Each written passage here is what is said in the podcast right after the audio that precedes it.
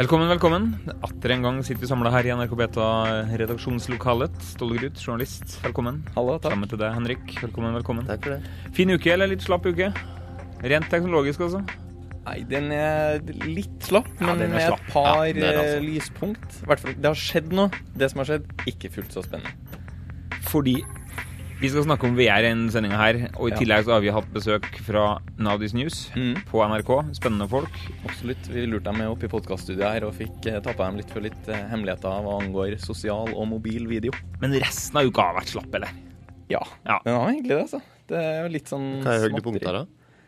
Nei, altså Det kom vel kanskje i går, når eh, jeg fikk tips om at den nye nyhetsappen til Facebook har kommet. Den som heter Notify, som vi så vidt har skrevet om tidligere. Eh, og den lasta jeg ned. Testa ut i går. Ikke så Men hva er det der? Det, høres ut som Tinnas gnåle-app. Vil du ha mer notifications? Ja, for hvordan fungerer den? Hvordan fungerer den appen? Den virker jo som for Facebook sin del. Nå skal de ta over eh, på en måte den posisjonen mellom brukeren og mobilen, som da er lock screen din, eller det, det, det du skrur på mobilen, så ser du har du fått en SMS, har du fått en e-post, bla, bla. Eh, og i, i økende grad har, du, har det skjedd noe nytt. Har mulla Krekar blitt eh, arrestert, eller har eh, noe annet nyhetsaktig skjedd, da.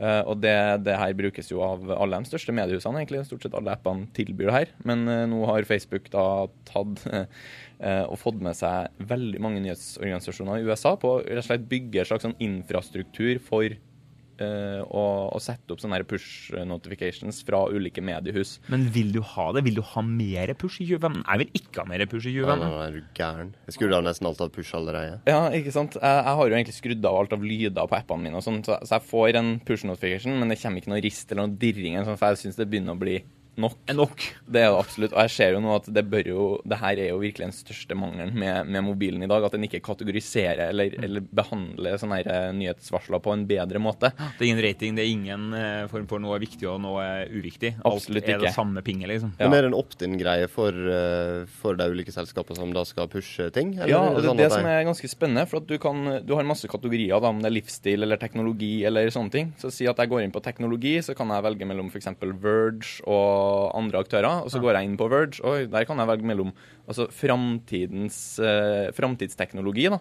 Og, så du kan gå ganske dypt ned i innholdsbunken deres. Si at OK, jeg vil bare ha varsel om VR-teknologi, om selvkjørende biler, om helt sånn, ganske sånn spesifikke emner. Og da begynner jeg å tenke sånn, da må du ha ganske sånn tett samarbeid med Ja. Facebook når du på en måte lar dem gå helt ned i godteposen din da, for å finne de forskjellige sakene. Eh, men så merker jeg sånn, ok, at jeg, ny helseteknologi da, abon- abonnerte jeg på på New York Times. Jeg merka med en gang ok, nå har jeg tikka av eh, 25 forskjellige nyhetskilder med x antall Jeg syns vi har gjort det her i flere år. Jeg har sittet og tikka på alle sånne apper. Ja, ikke sant? Men er det jeg noen merket at- norske der foreløpig?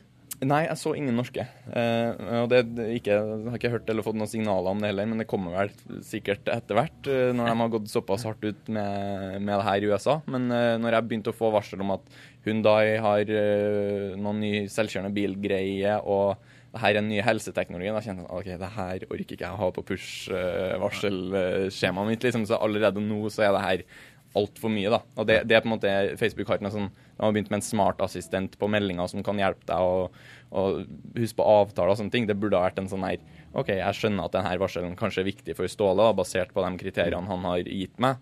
Da kunne det på en måte hjulpet meg litt videre, men akkurat nå så er det helt sånn her sånn maskin som bare roper til deg. Og det, Kjenner jeg ikke vil ha Facebook Notify. jeg. Nei. Nei. Må teste det ut, selvfølgelig, men jeg Jeg tror ikke det blir en altså. slager for min del. altså. Jeg jeg, blir- gammel, jeg. Jeg at jeg har ikke fått en eneste en i dag, selvfølgelig, for nå er det natt i USA. Ja. Men når kvelden begynner å mørke skumre på, Kun, da kun, kun masing på natta. Ja, Perfekt. riktig. Helt perfekt.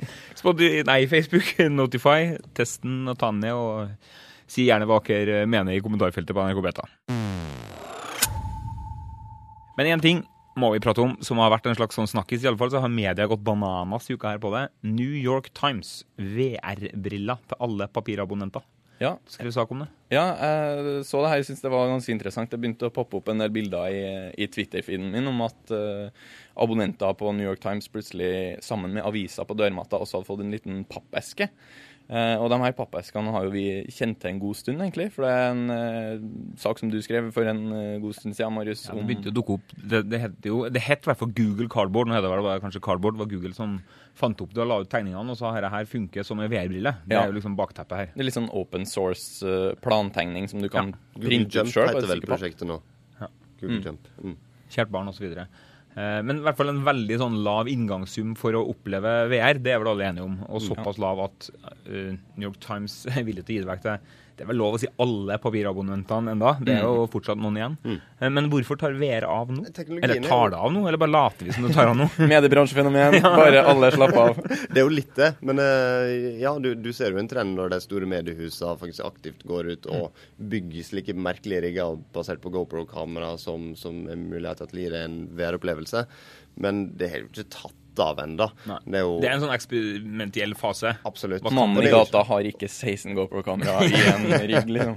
Nei, men, men, vi har drevet på kikka på Henrik, og du har på 3D-printer, og det er 3D-printeren som bråker i bakgrunnen her. Fordi det finnes jo ikke noe kamera å få kjøpt, eller det finnes vel, men det finnes ikke gode nok kamera å få kjøpt over disk Nei. som gir deg god VR eller 360-video. Nei. Ja, det, det finnes et par som, som leverer til slutt et HD-bilde, men et HD-bilde i alle retninger blir jo plutselig veldig veldig dårlig. Så det han må, må gjøre, det er jo å bygge sine egne rigger. Altså Du må 3D-printe eller kjøpe en holder, og så må du ha alt fra 6 til ja, 16 GoPro-kamera som står i en slags overlapp og tar bilde i alle retninger, eller video i alle retninger. For teknologien her er at man tar et vanlig 3D, eller man tar vanlig videobilde i alle retninger, ja. og så sys det sammen i software. Ja. Du står, du står inni en kule på en måte og kan snu deg rundt i alle retninger, og så Ja. får du et bilde på Yes. Og problemet nå det er jo at du da har alt fra 6 til 16 GoPro-kamera som alle har hvert sitt SD-kort og har hvert sitt batteri og har hver sin startknapp. Eh, og du kan jo pare det med en sånn fjernkontroll og få en sånn semisynkronisert videostart på alle sammen. Men det er etter behandlingsarbeid. Det er liksom det tilbake tilbake Når du trodde til 4K var helvete, prøv VR. Prøv 8K VR med 16 fil, liksom. Det, det er foreløpig et rent helvete. Men eh, innholdet er noe kult. Er noe, altså New York eh, Times har New York kommet Times kom jo med, med sammen med Wall Street Journal med en ballettdanser som Ja. får veldig sånn oppmerksomhet og skryt, i alle fall. Riktig. For, og det er jo på en måte egentlig Jeg, jeg må bare bryte inn og si at den Wall Street Journal-greia syns jeg var litt kjedelig. da. Jeg har sett den langt mer spennende VR-prosjekt. Jeg, jeg skjønner at det er første videoen deres, og sånne ting, men jeg hadde kanskje forventa meg noe, litt mer spektakulært fra dem. Men det syns jeg New York Times har levert på. Ja. ja, for det, er jo, det vi har sett tidligere, er jo ikke redigert. Bare noen som satt et kamera opp en plass og lagt ut den videoen. Det er jo ikke, det er jo ikke et redigert Teknisk. Ukeblad i Norge har jo gjort ganske mye morsomme Ja. mm. forsøk og eksempler, annet Ja. på Google-kontoret. Yes. All kred den veien også. Ja. Tidlig på. Morsom bruk, for så vidt. Men det er litt sånn Det er ikke dramaturgi i det det. er litt sånn boligannonse. Se Ja. kontoret til, Yes. til Google, eller se, vi er til stede her, se toppen av den her. Se, se, altså, det er ikke noe historiefortelling. Men Mm. mediefenomen eller ser vi om, om et år går vi alle sammen, står vi alle på kontoret her og så kikker inn i popboksen og surrer med hodet. liksom. Jeg vet ikke når pappboksen blir greia, men jeg, jeg syns jo det YouTube eh, gjør det ganske spennende. Med å bare bruke akselerometeret, Ja. så beveger du deg rundt. Altså, du tar opp mobiltelefonen. Du er fortsatt Du er ikke inne i den lille sfæren din, inne i brillene og krasjer inn i alt mulig. Litt mer distanse til historien, men Det er jo det, likevel. likevel. Men det det er på en måte det er jo en mellomting som, som kanskje kan fungere for flere. da. Um, så det er jo der vi, det er der vi er nå. Tenker jeg. Facebook også. Det skjer jo nå når store aktører som både YouTube og Facebook velger å, å implementere det her på plattformene sine. Da kommer du jo tettere på folk, på Ja. sluttbrukeren. Det er jo ikke alle situasjoner VR er, er hensiktsmessig i det hele tatt, tenker jeg da. Altså det, det der tilstedeværelse øh, rangerer høyt oppe på, på ting som er viktig. Da er VR veldig veldig spennende. Ta f.eks. i en flyktningleir. For eksempel. det å oppleve hvordan det er å være i en flyktningleir, det klarer ikke du like godt med et ferdigredigert videoprodukt. Eh, der vi har bestemt utsnitt og, og alt, liksom. Men hvis du da setter et sånt kamera opp der, så får du en mye større følelse av tilstedeværelse og hvordan det faktisk er å være der, enn å se det gjennom en videorute. Ja, ABC News har jo hatt en eh, dokumentar fra Syria hvor de har satt ut 3D-kamera, og det er en reporter som på en måte går rundt det her kameraet og, og forteller deg om situasjonen der. Og det her er vi i uh, Mojade-moskeen, og man får, får se og oppleve ting på en Man er på en måte med i reportasjen, og det syns jeg er et ganske virkningsfullt grep. Men du gidder du å reise deg opp og kikke inn i mobilen eller ha på deg en pappboks? Det er det, det, er det jeg lurer på. Ja. Det, det, det, For det blir litt sånn den. Det er en Ja. Det er morsomt terskel, liksom. først, liksom, men Ja. så er du nødt til å gå rundt og bevege deg. og Det det er det jeg tror er liksom blir litt problemet for også Oculus Rift, eksempel, som også satser på liksom hardcore gaming. da. Sett noen sånne stativer hvor du, kan, du blir stroppa fast, og så kan du gå rundt på en slags 3D-mølle som går i alle retninger. Det ser, det ser liksom mye effort ut. da. Jeg tror ikke at Det er liksom ikke så mange som har sånn, til og med en racingstol i stua, som enkelte har. Det, det er liksom ikke noe som blir gjengs. puttes er en slags boks hvis du har et eget VR-rom hjemme. Ja, Det, nemlig. Det blir det nye mørkerommet. så vi er stor, masse føss og stort akkurat nå. Blir spennende å følge framover. Eh, selv om vi er litt skeptiske òg. Ja, men vi er også veldig spent på, på hva som kommer ut av det. Sunt skeptisk. Ja, Ja. bruker å være det. Her har du oss. Vi har fått besøk her i Betakroken fra en startup som heter Now This News. Du har kanskje sett dem i eh, Facebook, Twitter, Snapchat eller Vine-feeden din. De lager sosial og mobil video for stort sett eh, alle plattformer. Vi har fått besøk av Dia, som er senior strategist for emerging media, og Alyssa, som er senior producer. Vi hopper over til engelsk og hører litt med dem om hvordan de jobber.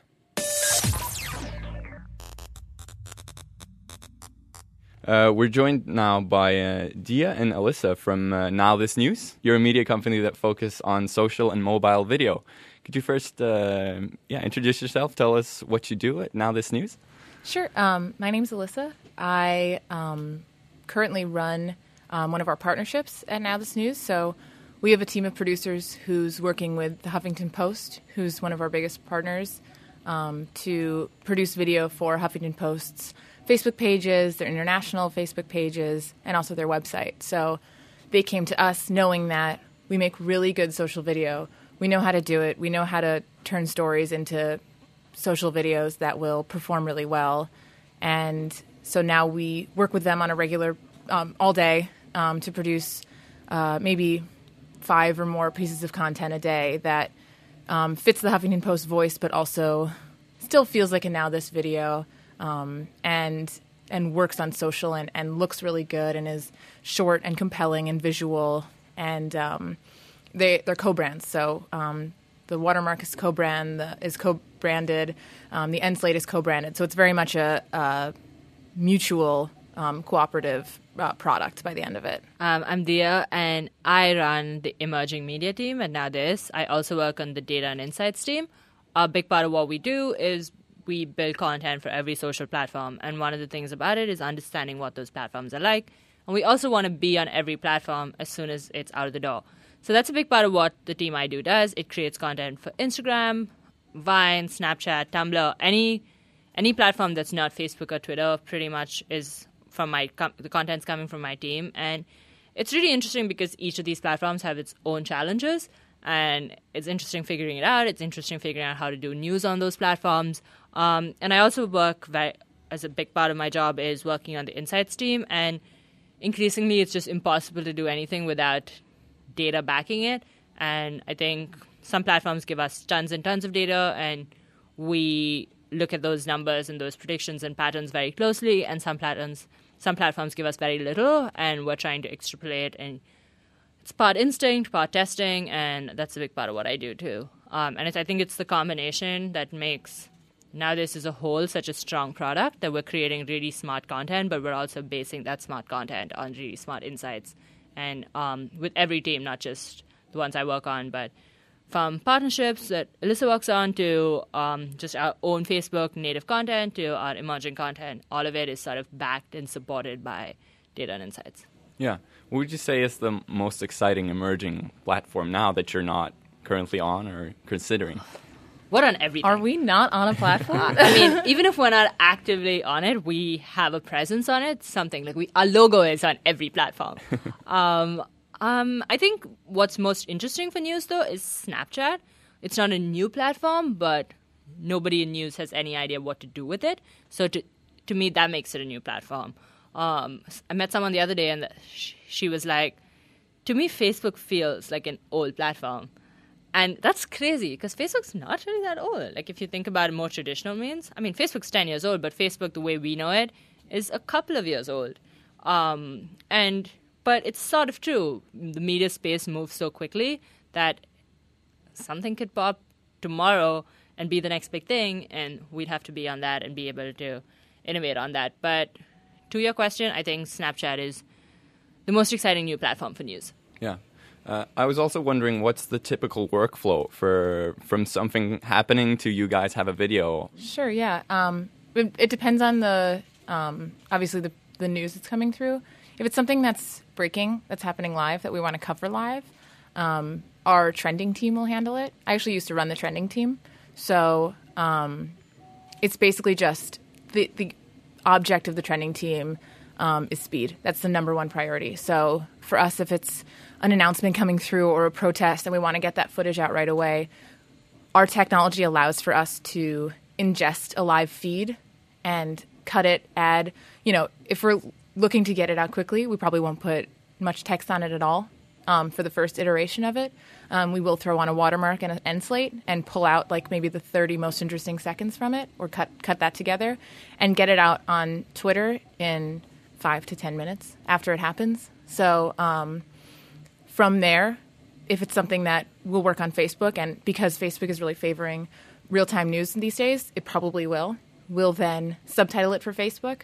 Twitter, it's great to subtitle because um, most people, like on Facebook, are watching with the audio turned off. But Twitter, the Twitter audience, I think, is so interested in news that they're more okay with turning the sound on to get a breaking news clip and to be the first to watch something and share something. So they're a little more forgiving with leave, leaving the subtitles off. And then, so then our, that producer who cut that piece will either pass it to a Facebook producer or just continue working on it and subtitle it and add some text cards and maybe add a little bit of context. Um, still keeping it fairly light if it's real time so we can get it out even quickly on Facebook um, which is relatively new, that we would push breaking news content on Facebook. Um, we would also then replace that video in Twitter, um, so that the new, so that that same tweet now shows the updated video with more text, with more subtitles. Um, then, if it's something that we think will work for one of our platforms, one of our platforms or all of our platforms will grab it. Um, Dee was saying this earlier. It's rare that some piece of news will eventually end up on all of our platforms, but if it's big enough, it probably will. So, and and the way that we are able to kind of pass this off and be working on the same story, um, with have multiple producers working on the same story, is just communication. Tons and tons of communication. We use um, a few different apps and workflow optimizers to help um, so that a producer can visit a page and know exactly who's working on what and what stage that that piece of content is at and who else worked on it and who scripted it and where the script is and any links that might be relevant. And we use like an internal messaging um, program called Slack to be just constantly talking to one another. Um, the senior producers are constantly keeping in touch with each other to make sure we're not overlapping, making sure we're, our pieces are complementary to one another. Um, so it's just all about optimizing workflow and communication to kind of take one piece of news and turn it into different different media for different platforms. Yeah. One of the biggest debates in, in Norway is kind of how how do we make money of uh, journalism and and these uh, the media in 2015 and how how do you guys monetize or do you monetize? Um, yeah, so now this is part media company, part tech company, part production company. Um, and there is a part of our company called Now This Studios, and Now This Studios creates content for brands on social. So essentially, what we're doing is we're taking all of the insights and knowledge we have about social and converting it into applicable practices and creating video content for brands who don't have the same sort of insight that we do and don't have the same resources. Um, obviously, there are a couple of other ways we monetize. We have um, partnerships that Alyssa runs, mm-hmm. and that's very simple, direct. Someone's paying us to create news content for them. Paying yeah. us per video with a yeah. certain quota every month. Because HuffPost is another media company. Right, so. exactly. Hmm. And we do something that they want, but we do it really well, so they pay us for it, and that's a service we provide. Uh, we also syndicate a lot of our content through RSS feeds to Yahoo, MSN, AOL, pretty much any RSS syndicator that you can think of has now this content ingested. Hmm. So that's a rev share basis. So we will get, based on how many video views our content generates, we will get a cut of it every quarter. And, and those videos will all have like a 15 second pre roll or 30 second pre roll. It's we're getting the video views of pre roll that they run, and that's how it is. Um, also, like potential, there's potential. There's always potential revenue streams. We have to believe that a lot of these companies are going to turn on video monetization because Facebook and Twitter, particularly, are publicly traded companies. They have to make money at some point. Um, video has the highest CPM. They're going to make money off it. Um, and we are probably the most well prepped for that. So, uh, if we see the media landscape as a as a bunch of friends, you you mentioned uh, that the the media um, companies should be kind of uh, play a role in a like a circle of friends? And if we see Vox as like the know-it-all, where would you place now this news and another media That is a great company? That is a really good question. How Um, would I anthropomorphize now this? I think now this is sort of the the friend you want to take to dinner when you don't necessarily know everyone else at the table because it gives you something really fun to talk about. And I think the thing that Now This does better than anyone else is that it gives you you can watch five Now This videos and you're updated on the biggest talking points of the day.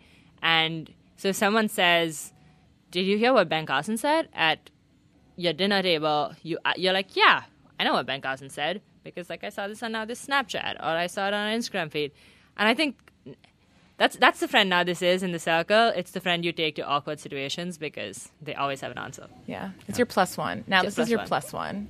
To every cool. event. Yeah. Uh, what's the best advice for, for somebody or an existing media organization that wants to start out with mobile mobile and social video? I would say know your audience, cater to your audience, and listen to your audience. We touched on this a little bit, but it's so important to not just take a platform and say, I want to make this kind of content for a platform. You, yes, you need to grow an audience, but you really need to respect the audience because they'll see that and they'll appreciate it, and they will unfollow you if they feel like you're kind of just doing your own thing and you're not respecting them and, and giving them not only the content that they want, but in a style that they want and is really native to the platform that you're you're putting that content on. Yeah, that's. I, I mean, I would absolutely endorse that. I think the other thing I would say is just don't be scared. Um, I don't think anyone has the right answer. What all? I mean, like I think we we do a great job, but we made mistakes for a long time before we got here.